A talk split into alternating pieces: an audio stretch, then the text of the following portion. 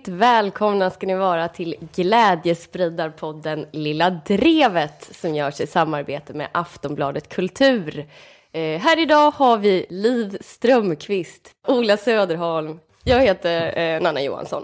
Hörrni, jag har inte varit med på podden ett tag, i podden, på podden. Nej. Nej. Jag är inte den enda som har varit borta på sistone. Även Vladimir Putin har ju hållit sig borta från allmänhetens nyfikna blickar. Eh, han gick under jorden i tio dagar. Alla undrade vad han gjorde. Var han som du Eh. på en eh, all inclusive på Teneriffa? Som är din lilla getaway under jorden. Ja, men kanske. Det har varit exakt likadant för oss. Precis som i fallet Putin så har det gått en massa rykten om varför jag har hållit mig undan från rampljuset. Eh, har jag störtats i en statskupp? Har jag fått en stroke som jag velat undanhålla för de andra makthavarna? Eller har min flickvän fött barn i hemlighet på en schweizisk klinik? Ingen vet, men nu är jag ju tillbaka som om inget hänt. Och ni, Ola och Liv, behöver inte längre hålla på och visa olika fabricerade foton som bevis på att jag lever. Eh, lyssnarna bara, men det där är ju en gammal bild på Nanna. Inget av det där behövs längre. Jag är tillbaka och vi drar igång avsnitt 57.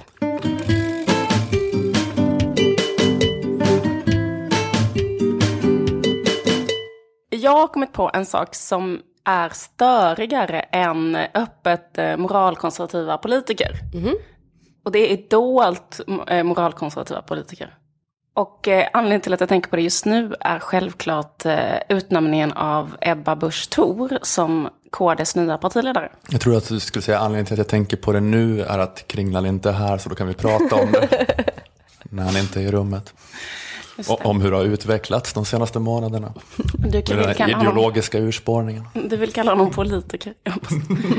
Ehm, jag har hört lite olika intervjuer med henne under de senaste dagarna med Ebba Busch Thor och fascinerats av hennes ovilja att använda konservativa argument trots att hon då förfäktar eh, konservativa idéer. Eh, Vi kan lyssna lite till exempel på Ekots lördagsintervju där hon fick prata lite om olika politiska frågor som hon då har drivit under de senaste åren. En av de sakerna är att hon för tre år sedan sa till tidningen Fokus att hon ville att KD skulle börja driva frågan om att sänka veckogränserna för aborter. Men det du sa var alltså, eh, du ställde frågan, är det rimligt med aborter i 21 och 22 veckan? Är det rimligt med aborter i 21 och 22 veckan? Jag kan bara berätta här att eh, det här att göra abort så sent, det är en väldigt liten, liten grej. Det är liksom bara en procent av alla aborter som utförs så sent. Annars är det vecka 18 som är gränsen. Och för att få utföra abort så sent måste man ha liksom ett tillstånd från Socialstyrelsen. Så det är väldigt få som vi pratar om överhuvudtaget. Anledningen till att det kanske har blivit då en pytteliten snackis med de här sena aborterna, kanske framförallt en snackis på antiaborthemsidor, är då att eh, vissa av de här fostren, beroende på eh, metod lite grann, men i sena aborter kan vissa foster fortsätta uppvisa livstecken efter aborten. Ja. Men liksom sett till omfattning så är det liksom en väldigt liten, eller så här ganska udda politisk fråga att liksom rikta in sig på. Om det inte handlar om att man har moraliska värderingar kring det här fostrets liv. Ehm, men i den här intervjun så säger då Ebba Busch Thor ingenting om moraliska värderingar kring fostrets liv. Utan det hon ifrågasätter gällande de här sena aborterna och det som hon ifrågasätter då, för tre år sedan, är en annan sak. Det jag ifrågasätter och ifrågasatte då var, är det verkligen rimligt att överlåta utan riktlinjer till medarbetare i sjukvården att hantera att man står med ett foster som visar livstecken. Det fanns inga svar på hur man skulle agera då och det är det jag vänder mig emot. Jag står bakom svensk abortlagstiftning. Ja, så hon menar liksom att anledningen till att hon just tog upp den här frågan, att det saknades riktlinjer för hur personalen skulle agera. Det var liksom bara en slump att det råkade handla just om abort. Just det. Alltså det hade ju kunnat röra sig om vilken fråga som helst som handlar om riktlinjer på ett sjukhus. Alkogelen tar slut. Vad ska man göra? Finns det riktlinjer? Men hon nämnde de här orden visa livstecken ändå. Det är väl det som är deras... Ja, men hon menar inte så här, hon säger inte att så här, det är ett moraliskt dilemma eller något sånt där, eller det är en viktig moralfråga. Utan hon säger så här, vi måste ha riktlinjer kring den frågan. Jo, men du får väl läsa mellan raderna. Tänker inte jag. tänker att det var ett en slumpmässig önskan om riktlinjer som hade kunnat vara vilken fråga som helst. Ja, men jag tänker att det argumentet hon använder för att ta upp frågan är så här, anledningen till att jag tar upp frågan är att det är en fråga som saknar riktlinjer i första hand. Mm, mm, Inte att så här, eh, sena aborter är ett, är en, ett moraliskt problem. Utan så här, sena aborter? Frågetecken. Ingen åsikt om det. Riktlinjer måste finnas. Ja, det, hon är, lite så passivt aggressivt i sin moralkonservatism. Ja, eller mer tycker jag att hon inte använder ett moralkonservativt argument, utan hon använder ett annat. Hon pratar om något annat. Eh, att det var bristen på riktlinjer som är upprörande med sena aborter. Eh, om vi går vidare till en annan fråga som skulle kunna kategoriseras som en moralfråga, nämligen fenomenet att kvinnor från andra länder där abort är förbjudet åker till Sverige och gör abort. Det här är också en sak som Ebba Busch Thor tidigare har uttryckt att hon har tyckt har varit problematiskt. Eh, men nu säger hon i den här intervjun att hon inte längre tycker att det är problematiskt.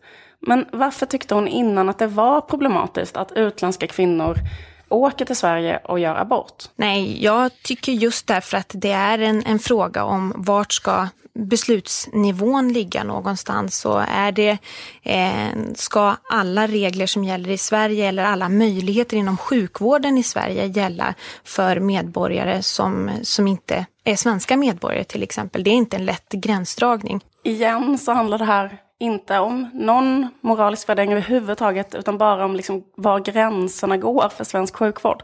Hade kunnat handla om vilken fråga som helst som handlar om nationella gränsdragningar och sjukvård.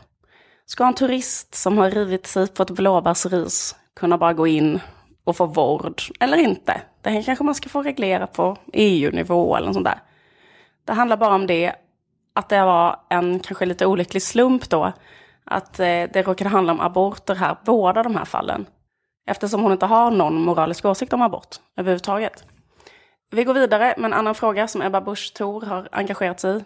En annan moralfråga. I en debattartikel i Expressen 2009 klev du fram för att protestera mot ett förslag om att dela ut gratis kondomer. Varför då?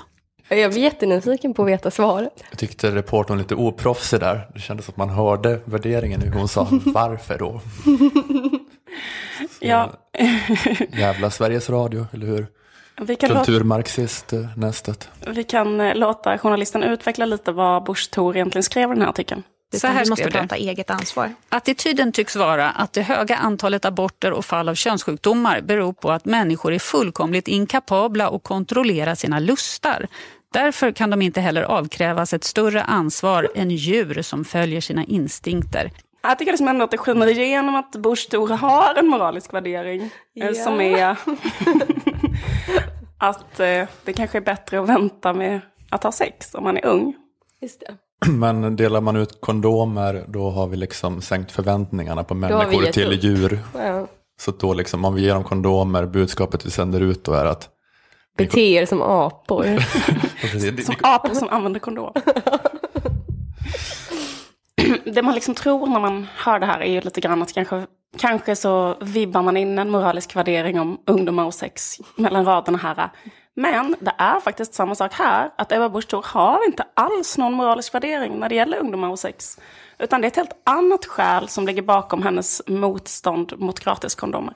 Låt höra. Och det, här, det är det här som är, ehm, eh, det här är ett uttryck. Det finns många andra exempel, framförallt inom äldreomsorgsområdet, som handlar just om, om, det här är min drivkraft i politiken, att politiken kan inte ha sina lösningar hela tiden ifrån ett ovanifrån perspektiv, där man ska säga att människor inte har ett ansvar för sina egna handlingar eller för sina medmänniskor. Därför det inlullar människor och samhället i en falsk trygghet. Uppenbar, uppenbarligen så löser det här inga problem. Vi måste ha lösningar i samhället som utgår ifrån den enskilda människan. Att man har ett ansvar för sina handlingar, man har ett ansvar för sina medmänniskor och vi måste värna människans rätt till självbestämmande.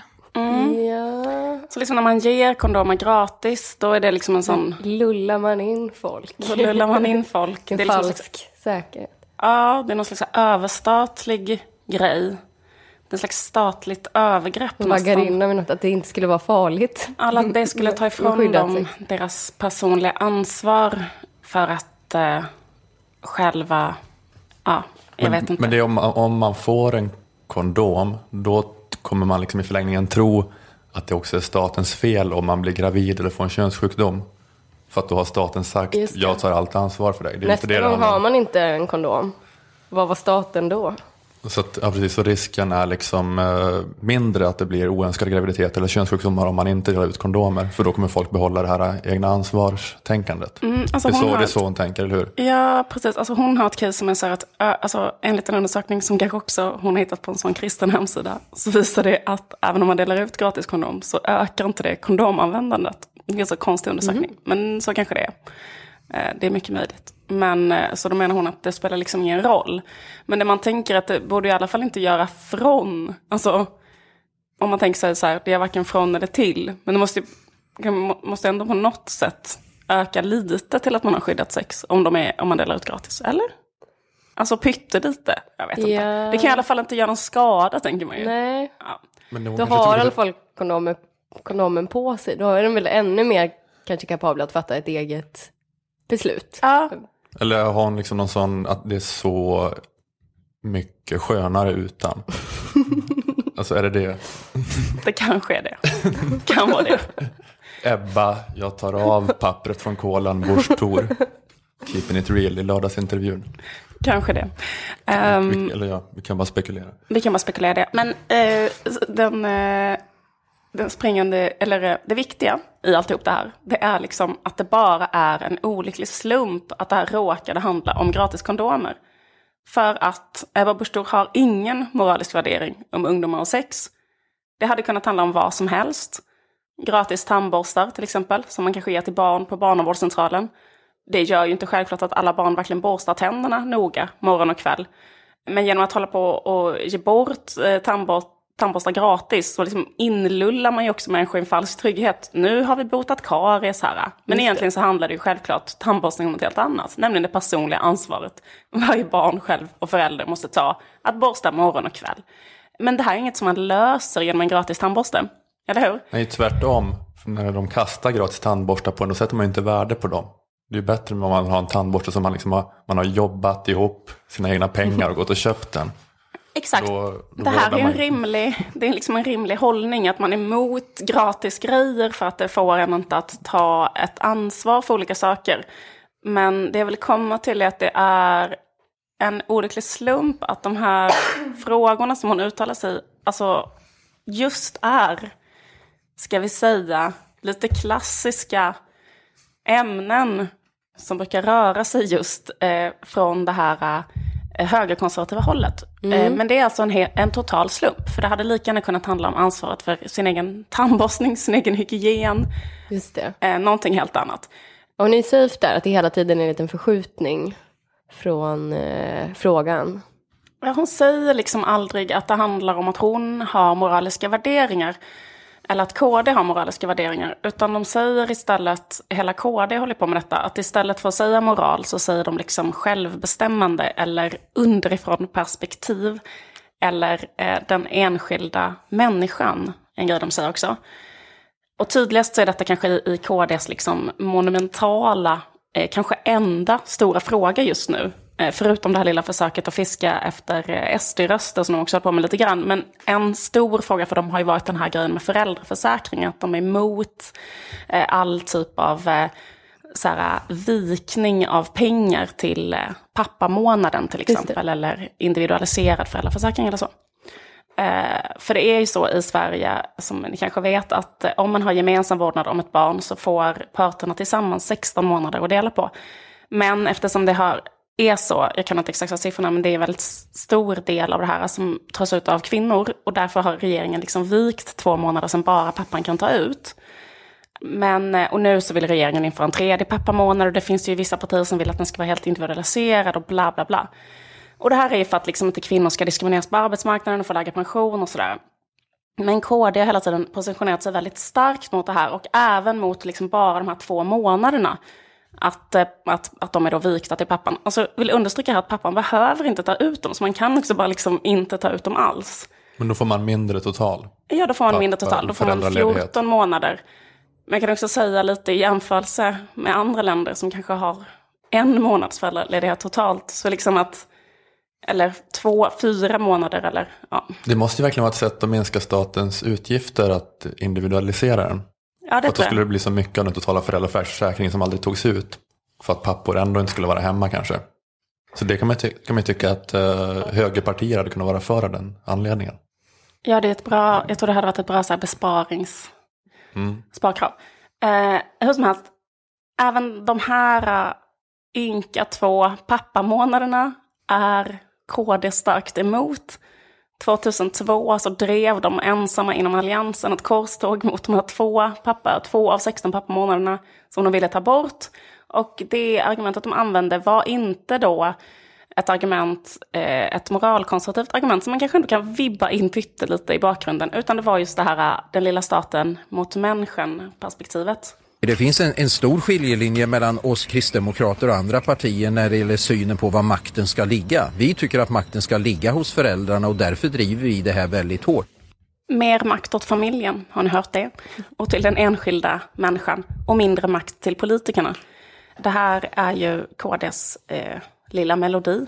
Och eh, det sa också Bush Thor i Agenda när hon pratade om hur hon och hennes man ska dela sin eh, föräldraledighet. Ja, Och det så, hörde jag. ja, då sa hon så här. Men nyckeln här är ju just att det är inte Stefan Löfven som är bättre lämpad att bestämma den dagen jag föder barn eh, hur, hur vi ska göra med föräldraledigheten. Det är jag och min man som är det. Och att det fortfarande är en stor politisk fråga i Sverige visar på behovet av en kristdemokratisk röst som värnar underifrån perspektivet den enskilda människan. Men Fan vad bra hon är. Duktig.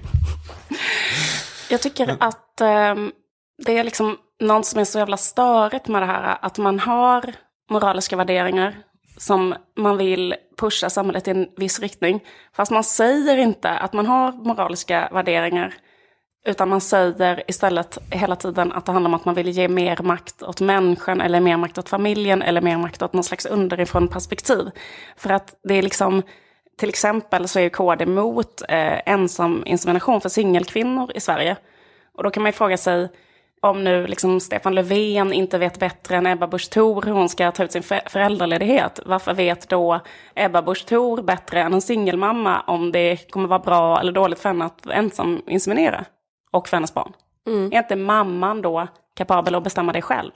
Ja, just det, där, men där är de mera tydligt moralistiska. Där är det svårare att klä in och sånt. Individen ska bestämma själv argument. I alla fall. Ja, jag tycker att det är liksom så att om man har, alltså, de väljer ju hela tiden att säga det om bara vissa frågor som där det finns en moralisk, en moralkonservativ eh, värdegrund som gör att de driver den frågan. Och varför kan de inte då bara säga det så att man kan ha ett argument utifrån eh, eh, att det är det som är basen?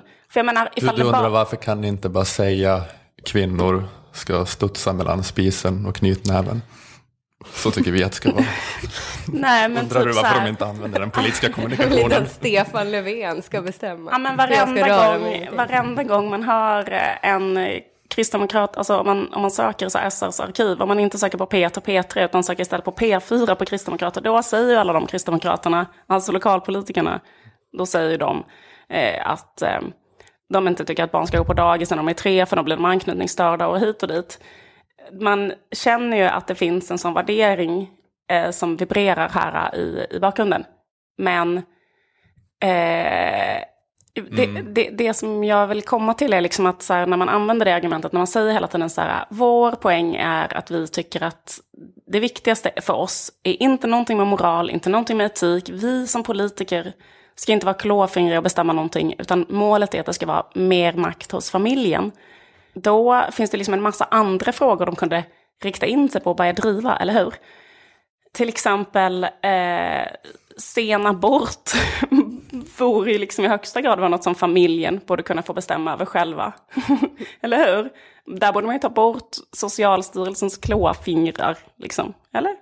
Att, varför, varför ska politiker ha med det att göra om jag- om man vill göra en sen abort? En supersen abort. Du menar att de borde driva frågan höja gränsen mer än 22 veckor? Ja, men varför har staten med det att göra? Inte något som familjen kan bestämma hemma vid köksbordet? Varför Fan. vet Stefan Löfven? Flytta gränsen från 22 veckor till 8 år. Skolplikten, ett annat exempel, borde, slut, borde slopas. Är inte det en extrem ovanifrån politik? Familjen kan väl själva bestämma om barnet ska gå i skolan eller inte, eller hur? Alltså varför ska politiker ha inflytande över familjen? Eh, tror du att Stefan Löfven vet mer om mitt barns behov av utbildning eller inte utbildning? Vad finns underifrån perspektivet? När det gäller skolplikten, undrar jag. Eller, jag tänker också på det här med, varför kan man inte få bestämma själv, alltså över andra bidrag? Om man nu ska få bestämma själv över det där eh, föräldraledigheten. Ett gift par till exempel borde ju kunna själva få bestämma, eller ett sambopar bara, om till exempel studiemedlet. Varför får inte ett gift par tillsammans 12 år? Och sen får de själva, kan inte de själva hemma vid köksbordet bestämma vem som ska få vilka år? Förstår ni vad jag menar? Kvinnan kanske bara vill ha ett års utbildning och då kan mannen få 11 års studiemedel.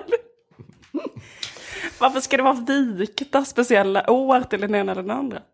Och sen om det blev så i samhället att alla kvinnor bara valde att ha ett halvårs utbildning och alla män hade 11 och ett halvt års utbildning. Ja, men då är väl för fan, ska staten komma någon jävla pekpinne om det? Okej, det handlar om skattemedel. Okej, att det handlar om saker vi alla bestämmer tillsammans och demokratiska metoder har röstat fram olika partier. Men ändå kan man ha den invändningen. Varför kan inte liksom ett par, ett ungt par i Lund som, eh, som studerar själva får bestämma det. De kanske vill det. Och varför ska då statens klåfingrar lägga sig i? Det är sån politik jag vill för konsekvensens skull se från KD. Mm. Ja, Eller det, att familjen själva får bestämma hur mycket skatt de vill betala. Varför ska staten bestämma det? Kan inte familjen bestämma hemma vid köksbordet? Eller lag och rätt, brott, straff. Allt kan de få bestämma. Man ska vara konsekvent. Varför ska Stefan Löfven ha något att göra med om jag vill bära kniv? om jag vill eh, stanna vid rött eller stanna vid grönt. Trafikljusförmynderiet. Eh, Att man får resonera vid det hemma vid köksbordet också. Vad finns underifrån perspektivet i trafiken? Trafik, trafikpolitiken. Varför ska Stefan Löfven Stefan Löfven bestämma, sitta i min bil och flåsa mig i nacken. bestämma hur snabbt jag får köra på en 30-väg? Det kan väl jag bestämma själv. Varför sitter Stefan Löfven bakom förarsätet och gör någon slags sked på mig och tar mina, lägger sina händer på mina händer och styr ratten. Och säger kör nu när det är grönt. Ja, Det är ett Ja. äckligt förmynderi. om man förstår, får förstå Ebba Busch Thor lite grann. Att hon har ju haft sin sån här, hon är bara en barnkristdemokrat som, som har haft sin Sarah Palin-blogg. Där hon har suttit och freestylat om, om allt möjligt. Så ska hon bli partiledare plötsligt. Då måste man backa lite långsamt Jo men ut absolut. från bloggen. Men hon, eh, jag tycker inte att det är liksom, det är väl en sak att ta avstånd från att man inte tycker det och bara vara intresserad av vilka argument hon använder. För jag tänker att så här, man hade kunnat ta avstånd från de där grejerna. Men då är det som att så här, nej jag tyckte inte, jag hade inget, jag har aldrig haft någonting emot att kvinnor åker till Sverige och gör abort. Jag hade bara något emot att det var inga regler. Det fanns inte riktlinjer. Och hon har liksom bara en, alltså hon har inga moraliska värderingar. Hon har bara en jättestark värdering gällande riktlinjer. Och det är så här, de måste finnas. De måste finnas, de måste. Den låten för Ebba Busch Thor handlar om, handlar inte om Gud, utan handlar om riktlinjer. Hur kan du då överge mig? Utan dig är jag en spillra på ett mörkt och stormigt hav. Bara en jätteenkel riktlinje om hur man ska göra när man, alkogelen är slut på ett sjukhus. Man ska göra en sen abort. Man ska, det liksom handlar bara om det. Att här, Hade det det ska vara funnits så- ordning och reda bland riktlinjerna. Hade det funnits ordentliga riktlinjer hade inte Kristina dött i barnsäng. Då hade Karl-Oskar bara kunnat fortsätta göra henne gravid i all, all oändlighet. Fortsatt komma igen, gång på gång på gång. Men nu fanns det inga riktlinjer. Och det inspirerade i och för sig då Björn och Benny till den här melodramatiska, vackra låten, om inte annat. Jag litar inte på läkaren, jag litar på riktlinjen, sa Kristina. Så, så började de ligga mot läk- med varandra mot läkarens varningar. Och det gick åt helvete då för att riktlinjen hade övergett henne. Hon inte hade fått några kondomer. Det finns väldigt mycket utvandrarna referenser här. Man måste kunna sin Vilhelm Moberg för att hänga med på det här som du pratar om nu, Ola. Vi har väl ingen lyssnare som inte kan sin Vilhelm Moberg. Tänk på Nanna bara. Men är den så smart av dem att tvätta bort konservatismen? Nej men det är det jag tycker är så himla konstigt. Kan man inte bara säga så bara, ja, eh, för mig, jag tycker att det är fel till exempel att göra en sen abort för att de här fostrarna kan kanske överleva en kuvös. Det man väl kunnat säga, för då kan man ju argumentera. Då är det himla konstigt att säga så bara, nej, det handlar för mig, handlar det om en riktlinje. Jo men det handlar, men det är ju en konservatism, men det är mer att de inte vill ha den här kristna frikyrkliga konservatismen. Alltså de försöker nu vara, när de säger här att alla ska bestämma det liksom, staten ska bort och vi ska bestämma det hemma vid köksbordet och allting. Så försöker de ju vara konservativa på det här amerikanska republikansättet, men inte kristna republikaner, utan de mindre kristna eh, republikanerna. Alltså det är den konservatismen de är ute efter. Men varför amerika- går de inte all in? Ja men för att det är väl ingen som tycker att det är så kul med sådär äh, pingstvänner. Men det finns någon här lucka för gammelmoderater som vill ha någon som är konservativ. De är lite såhär, lite Tea Party-aktiga nästan. Mm. Så att de ska väl vara sådana liksom hårda Fox News-konservativa. Inte sådana sjungande pingstvänner. Det är det jag tänker att de går för nu. Och då är det så här, privatisera trafikljusen, bort med allting. Avreglera allt. Nu kör vi. Um, men det är fan vad de är bra, Kristdemokraterna alltså. Helvete vad bra de är. Alla deras företrädare. Alltså, uh, Henrik Torehammar hade en When you're ready to pop the question, the last thing you want to do is second guess the ring. At Bluenile.com, you can design a one of a kind ring with the ease and convenience of shopping online. Choose your diamond and setting. When you find the one, you'll get it delivered right to your door. Go to Bluenile.com and use promo code LISTEN to get $50 off your purchase of $500 or more. That's code LISTEN at Bluenile.com for $50 off your purchase. Bluenile.com code LISTEN. rolig Instagram-bild, så här collage. Han skrev så här, vilken kristdemokrat tycker ni är mest sassy? Eh, och så var det ett collage på dels då Ebba och Sara Skyttedal. Och någon, eh, jag vet inte, någon ung manlig kristdemokrat som jag inte kände igen. Men så var också de här ungdomsbilderna på Göran Hägglund och den på Alf Svensson när han står i badbyxor. De är så sjukt mycket hetare än alla andra Ja, partiers företrädare. Jag vet inte vad det är. Alla är bara sådana sexiga konfirmationsledare som man vill ska lära en ett och annat. Nu får du lugna ner dig lite. Det är, jag vet inte. Men jag tänker att, det, jag tänker att de, så här, att den kristna rörelsen, de skickar fram sina best and brightest och charmigast och mest karismatiska. Men bland vanliga människor som i de vanliga partierna är det så här elevrådstöntarna som blir kanske. Ja men det är väl en sån grej liksom med så här hela den rörelsen. Det var ju så i Knutby också att alla de var så här, Osade sex. ja men var så här snygga och liksom, jag vet inte. Men är det inte att där. man måste skicka fram det som politiken inte signalerar? Alltså ju, ju eh, mossigare politik man har, desto sexigare person måste man skicka fram. Medan till exempel så här Vänsterpartiet som har kanske förväntan på sig att vara ungt och gapigt måste skicka fram en skittråkig kille i eh, kostym. Ja, just det. Och har, är man, har man så sexig ideologi som Socialdemokraterna har så får man tona ner det. För annars liksom ser inte folk tvn för att glasögonen immar igen så mycket. Om de skulle ha en kristdemokratisk partiledare som företräder den sexiga politiken. Det hade blivit för mycket. Ja. Mm.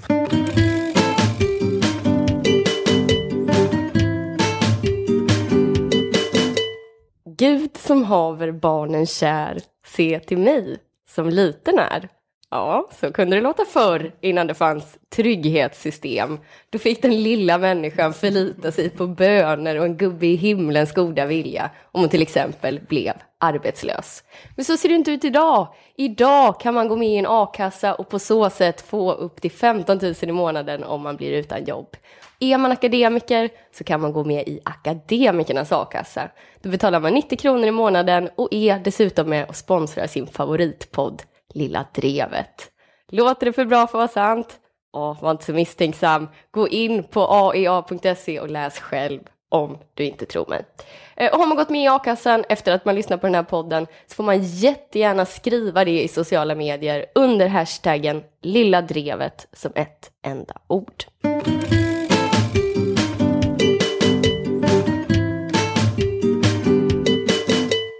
Den franske superhjälte, rockstjärneekonomen Thomas Piketty gästade Skavlan i fredags. Mm. Mm. Jag och Nanna såg inte det. Det var kul för oss Thomas Piketty-fans. Alla oss Piketybers. Eh, vi tog ju fullkomligen över Skavlan-studion. Gjorde ni? Vi stod upp och brölade med hans namn skrivet på våra bara överkroppar. Vi skanderade R är större än G, R är större än G, R är större än G. Eh, R är större än G är ju den centrala slutsatsen i Pikettys bok. Kapitalet i det 21 århundradet.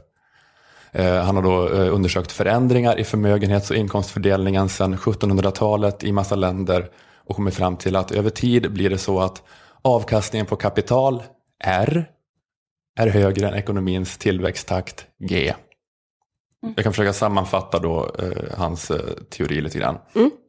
Eh, de rikaste som har kapital, en förmögenhet, deras avkastning ökar snabbare med fler procentenheter än vad till exempel lönerna för de som jobbar gör.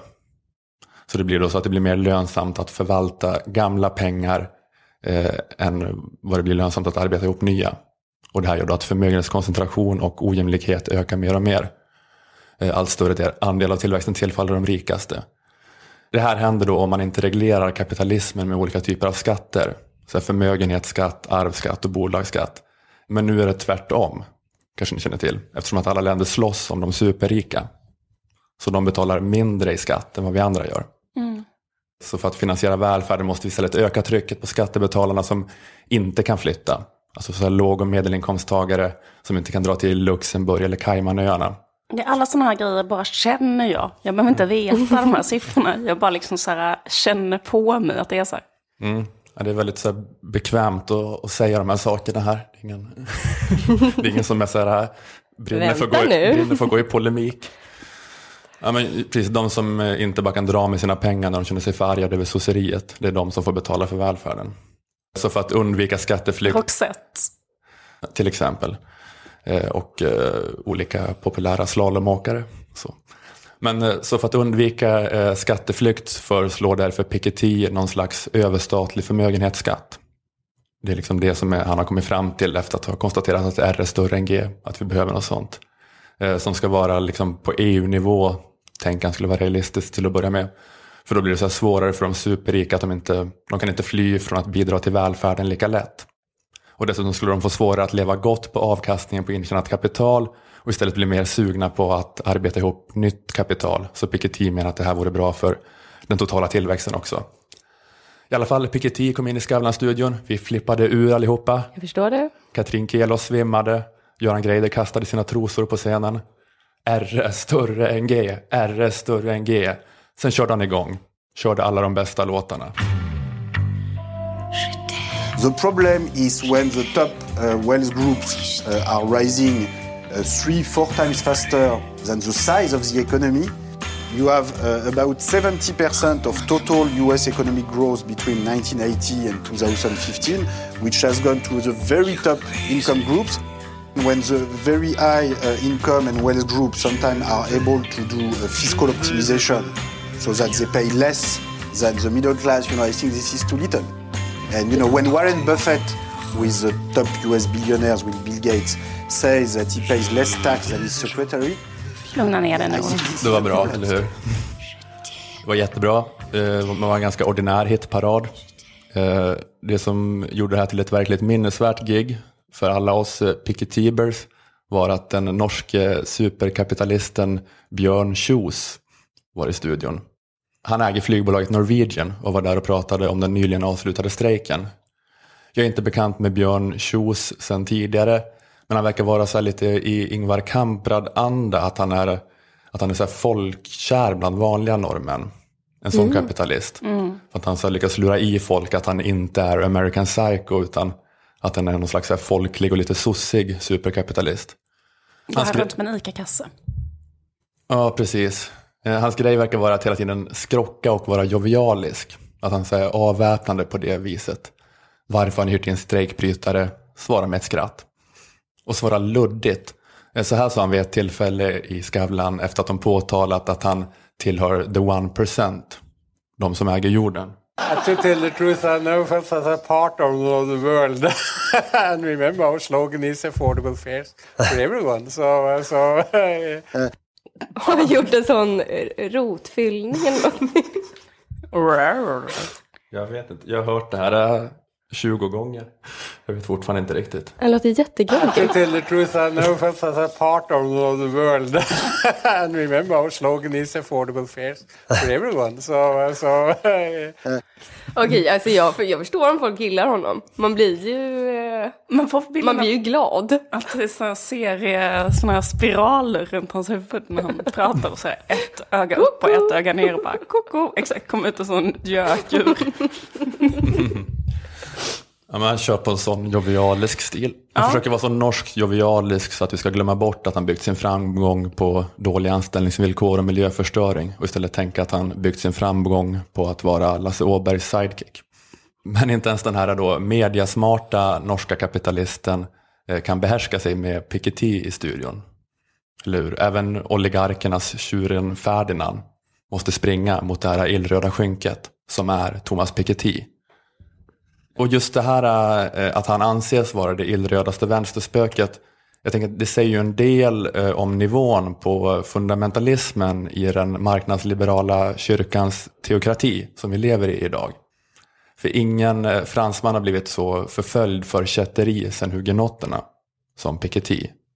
Alltså nivån på inkvisitionen, kapitalets överstepräster, har utsatt honom för. Vad har de gjort? Har de eh, eldat upp, vill, velat elda upp honom? Ja, de har, de har skrikit kättare, försvinn i ett hav av eld upprepade gånger. Eh, har det varit sådana debattartiklar sponsrade av Svenskt Näringsliv. Ja, men, ja, men det säger något att ha en så stor slägga mot just Thomas Piketty.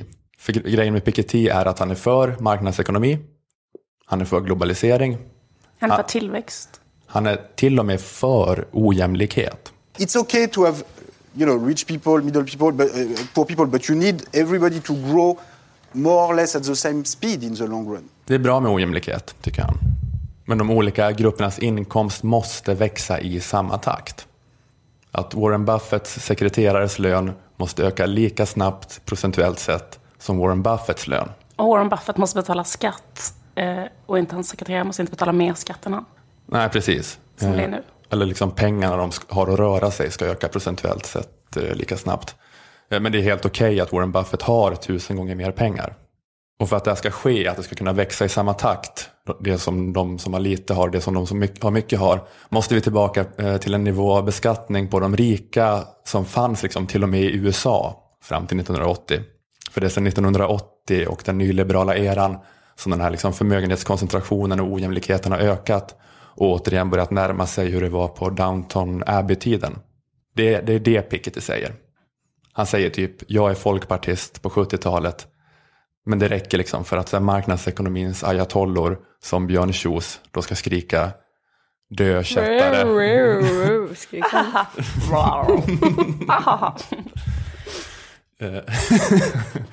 Han. Börjar med sin eh, imitation av Swedish Chef, då är han riktigt arg. Ja, men det, är- det är nog för att man vill se honom försvinna i ett hav av eld. Den här ganska ändå, det är inte det mest vänsterextremistiska jag kan fantisera fram. Det som Thomas Piketty säger. Men, eh, ja, men det är nog för att eh, Björn Kjos ska börja eh, låta så här. It's very wrong if you if you uh, do it like uh, you did in in uh, China on Mao. Uh, it's very there is Yeah, actually well, you know, I don't think this is the main risk in Europe today to No, become it like a isn't, Mao's but- China. but- Ja, men så här, det här tänker jag det är ändå något att glädja sig åt eh, för högern. Alltså i det här kompakta mörkret högern befinner sig nu. Alltså den här martyrfestivalen som aldrig vill ta slut. Eh, På tidningen Neo för att de anar en vänstervridning i ett satirprogram i P3. Att det här är ändå då en liten, liten strimma av hopp i det här liksom kalla, ogästvänliga universumet som högern är i. Att man åtminstone har lyckats förskjuta debatten om hur ekonomin ska organiseras 4000 ljusår åt höger sedan 1980. Att det borde vara lite av en, ja, det borde vara lite kul. Ja, precis. Jag försöker bara, eh, även om det är svårt med tanke på vad som har hänt i ett satirprogram i P3, så försöker jag ändå försöka se glaset lite, lite som halvfullt nu. att ni har fullständigt så här, monopol på sanningen i den här diskursen vi är i. Det är väl ändå lite, lite skönt.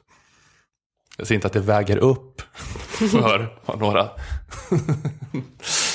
snart utlasade människor på P3 riffade loss om i en podd som de gjorde. Men, eh, men ändå. Eh, Men, men den stora behållningen med det här Piketty-gigget var eh, som eh, många känner till, det är många som redan har sett det här, men ni hade inte gjort det. Nej. Nej. Nej, men det var att Björn Kjos började gnälla om att han betalar för mycket skatt. Uh, I think I'm uh, even not even among the 20 highest paid in Norwegian. Uh, a lot of pilots are paid more, uh, earn more than I pay. That's the paycheck, right? And that's a paycheck. Uh, and uh, but if you start, Then you have the shares. But uh, the, the shares, okay. But then again, I pay ten times as much tax as I earn. Correct? Is it? You pay 10 times as much tax as, As you earn, earn. so you pay a 90% tax rate? No, no. I paid. Uh, I paid one thousand percent tax rate. Va? Han betalar 1000 procent eh, skatt på sin lön. Eh, och Han säger att han har ganska låg lön. Det är så här piloter i Norwegian som har högre lön än han har. Det här är ju då lönen han väljer att ta ut från sitt eget bolag. Så han kan ju frisera, få den här siffran att låta ännu mer dramatisk om han vill. Han kan ju betala ut en krona till sig själv. Han betalar en miljard i skatt. En miljard procent i skatt. Men, då, men grejen är då att sen utöver att betala inkomstskatt eh, på sin lilla lön som man tar ut så betalar han också förmögenhetsskatt på sin förmögenhet. Och hur stor den är får vi inte riktigt veta. eh, Men det sägs, eh, efter lite googlande så har jag sett siffran en och en halv miljard kronor. Och på den betalar han en eh, förmögenhetsskatt och det gör då att hans totala skatt blir större än den här eh, lilla lönen han väljer att ta ut. Mm. För Norge har fortfarande förmögenhetsskatt, ska vi säga. Eh, Ett av få länder som fortfarande har kvar det. Mm, Sverige har ju inte det. Nej, Norge har de 0,75 procent förmögenhetsskatt. Men eh, Thomas Piketty, som ju är utbildad ekonom, eh, reagerar på det här och tycker att det kanske vore intressantare att höra hur mycket skatt Björn Kjos betalar i förhållande till sin förmögenhet. Snarare än i förhållande till den lilla, lilla lönen han själv har valt att lyfta ut från sin egen förmögenhet. Hur, hur många procent skatt betalar han då? Man kan gissa, kanske inte så många procent, att Skavlan-tittarna hade tyckt synd om Björn Kjos. Men det är i alla fall då det här Pi- Piketty-gigget lyfter till en klassiker. Eh, Många har redan sett och hört det här. Eh, Jag har egentligen ingen särskild vinkel eller så mycket att tillägga annat än att det var härligt. Göran Greider kommer skriva en hel diktsamling om det. Men vi kan bara... Ja, jag har Kommer liksom... vi gråta, jag och Nanna? Ja, som de folkpartister på 70-talet ni är så, så kommer ni väl det antar jag. Eh, Men vi kan, bara, vi kan bara spela det då för er som inte har hört. Jag har gjort ett litet ihopklipp. So what's your tax rate as a fraction of your wealth? Uh, well, uh, Each but uh, we, I have, te- tell us what's your wealth, what's your tax? uh, it's, uh, I have on a hot tax. seat now. I have wealth tax. So what's your wealth? How much is your wealth, and how much is your tax each year? Uh, So that we can I pay ten times, How much is your wealth? Your your net wealth today? and uh, my net worth uh, depends on the shares, uh, on the value of the shares. Okay, with the market value of today. Or, or the, uh, then I. Uh, yeah, but, I am asking you for a number. No, uh, but it's neg- for the, uh, for this year. It's been negative.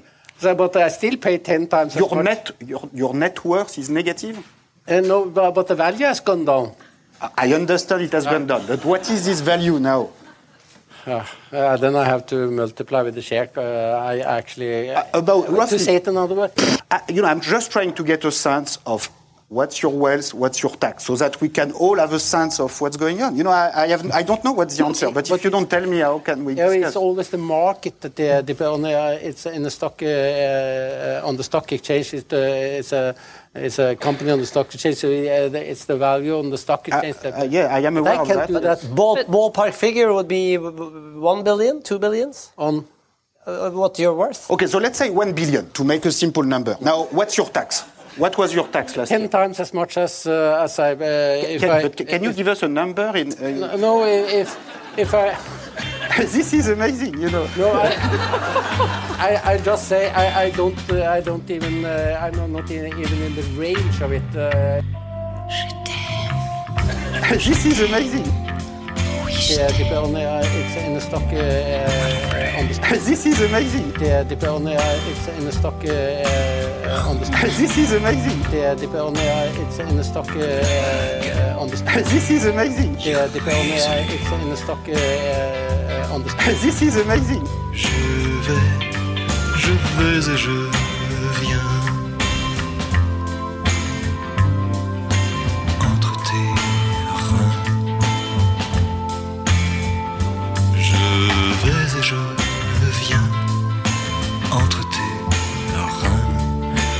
Et je me retiens. Je t'aime, je t'aime, oui je t'aime. Fantastiskt. Har ni eh, kollat på den nya SVT-satsningen Under samma tak? Nej, men Nej. jag har eh, sett lite, lite om det. Väldigt lite. Eh, det är en serie som SVT kallar för ett socialt experiment eh, istället för dokusåpa, eh, som det faktiskt är.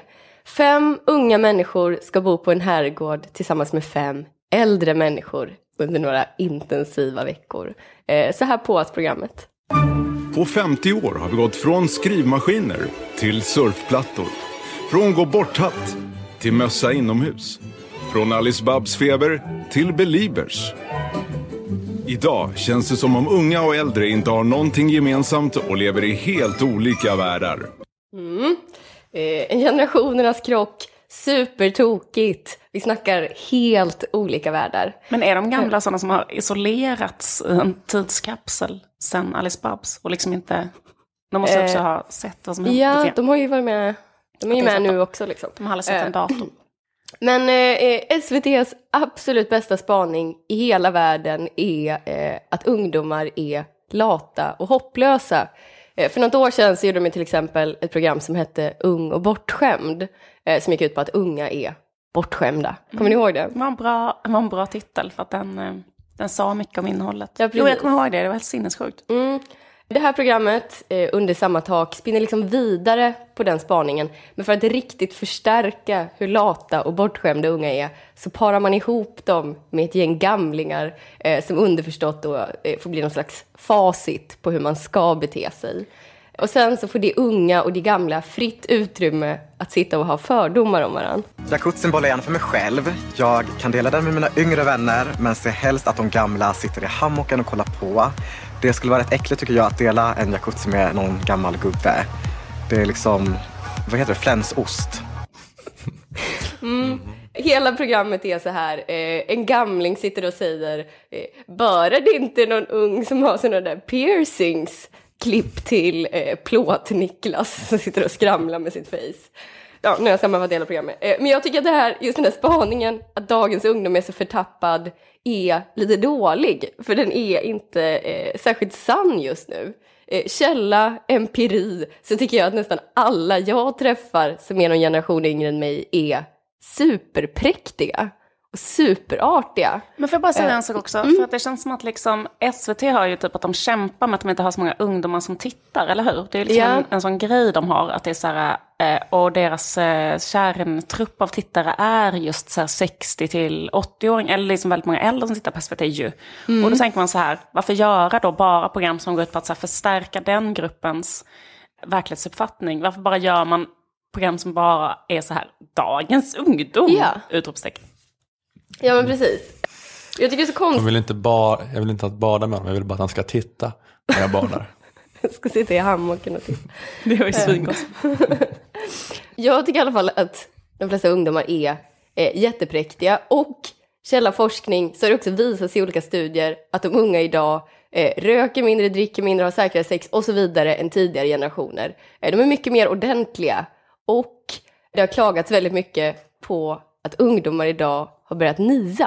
Har ni hört det? Nej. Eh, jag har sett massor av artiklar där framförallt äldre klagar på att unga människor i serviceyrken säger ni istället för du.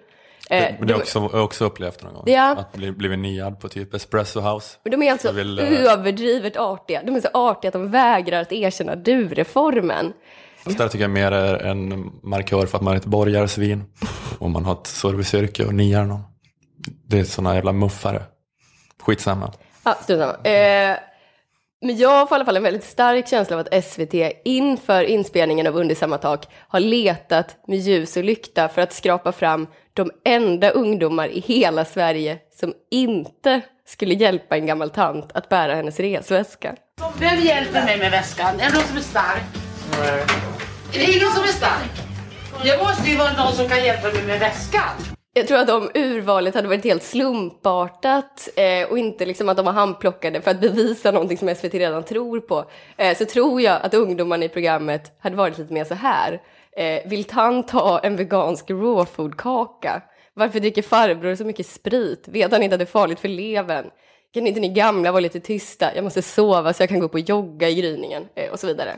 För alla unga idag är typ som Carl Bildt var när han var ung. Det finns ett par, tre, fyra elever här nu som har gått omkring i skolan och faktiskt uppmanat vissa elever till att skolka. Vi, vi kan alltså tala om att vissa elever här på skolan pratar om eh, skolkvarsel. Vi har... Man fattar ju att det inte hade blivit något spännande program om de hade kört på sådana vanliga, präktiga 17-åriga Carl Bildt-ungdomar. Men det känns lite taskigt att välja ut de absolut värsta representanterna från en redan svag och föraktad samhällsgrupp.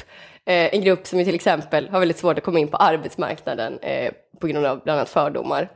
Istället för att än en gång sprida den här skräckpropagandan om unga människor så skulle SVT kunna göra en programserie som typ vet jag, problematiserar ungdomsarbetslösheten eh, eller hur unga utnyttjas av eh, bemanningsbolag, yada yada, Eh, och då inte ha vinkeln Fem helt vanliga företagare testar under två veckor att anställa ungdomar.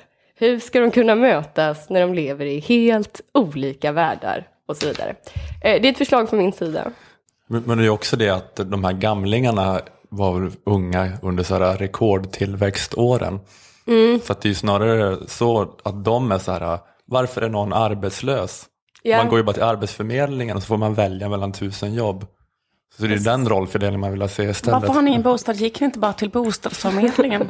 Tog och hämtade en bostad? Varför har ni inte tusen veckors betald semester? Jag tycker också att de gamla är ganska oförskämda i programmet faktiskt. Man kommer in, det första de gör är bara skrika. Sitter ni med kläderna i poolen? Hörde du? Satt de med kläderna på i poolen? Ja. Var det på grund av att en gubbe satt i en hammock och stirrade på?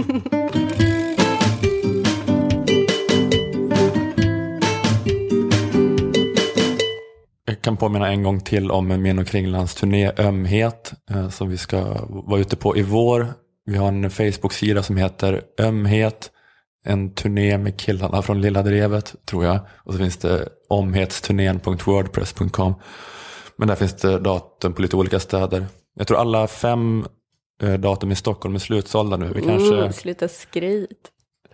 Nej, men, för att, eh, men vi kanske skulle försöka hitta någon mer extra föreställning om, ni, om det finns ett intresse. Ni får höra av er ifall ni är sugna på det. Eh, ja, okej. Ni har lyssnat på Lilla Drevet. Eh, tack till Liv Strömqvist, Ola Söderholm och mig, Nanna Johansson. Och tack till Aftonbladet Kultur och Akademikernas A-kassa. Tackar du dig själv? Ja, varför inte? Vill man höra av sig till oss så gör man det lättast i sociala medier under hashtaggen Lilla Drevet som ett enda ord. Eller på vår Facebook-sida som också den heter Lilla Drevet. Puss och kram! Hej då! Hej då!